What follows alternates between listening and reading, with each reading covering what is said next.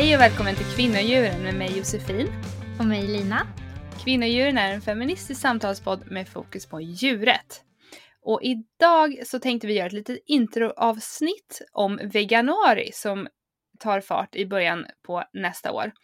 Eh, och vi tänkte berätta lite om den här internationella kampanjen som eh, startar. Och vi tänkte ge våra bästa tips på allt från recept till schampo. Ett eh, alldeles eget Bli vegan-kit från oss till er. Mm, Veganuari är ju alltså eh, världens största vegankampanj som inspirerar folk att äta veganskt under januari och resten av året.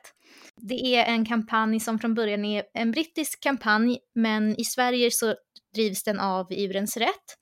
Man signar upp sig på ett nyhetsbrev och sen får man recept och kostplaner, näringslära och mycket mer.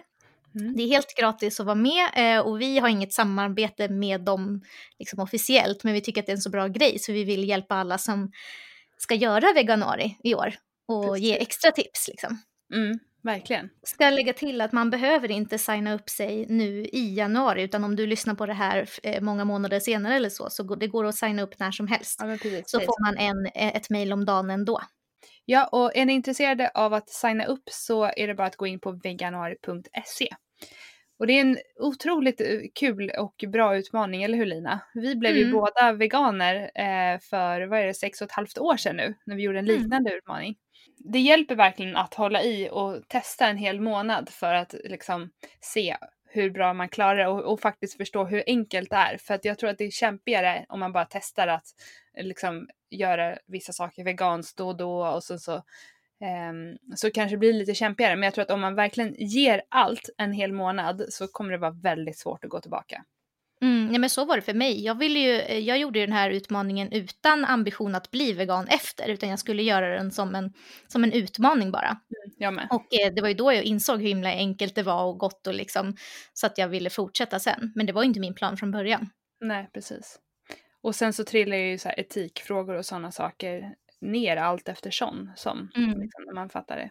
Så det, nej men verkligen, vi, det är därför vi vill göra den här äh, lilla veganuari-serien helt enkelt. För att äh, peppa er och äh, ge er ytterligare tips så att ni håller ut hela månaden och förhoppningsvis förblir veganer senare.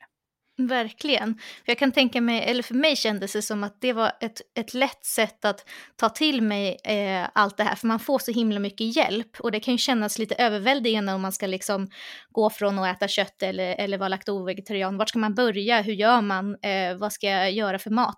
Mm. Och det här är ett jättebra sätt att du får liksom någon som håller dig i handen genom hela månaden, så det är mm. perfekt. Ja, så håll utkik. Varje dag i januari så kommer vi släppa ett nytt litet miniavsnitt där vi ger dagens tips. Ja. Vi ses!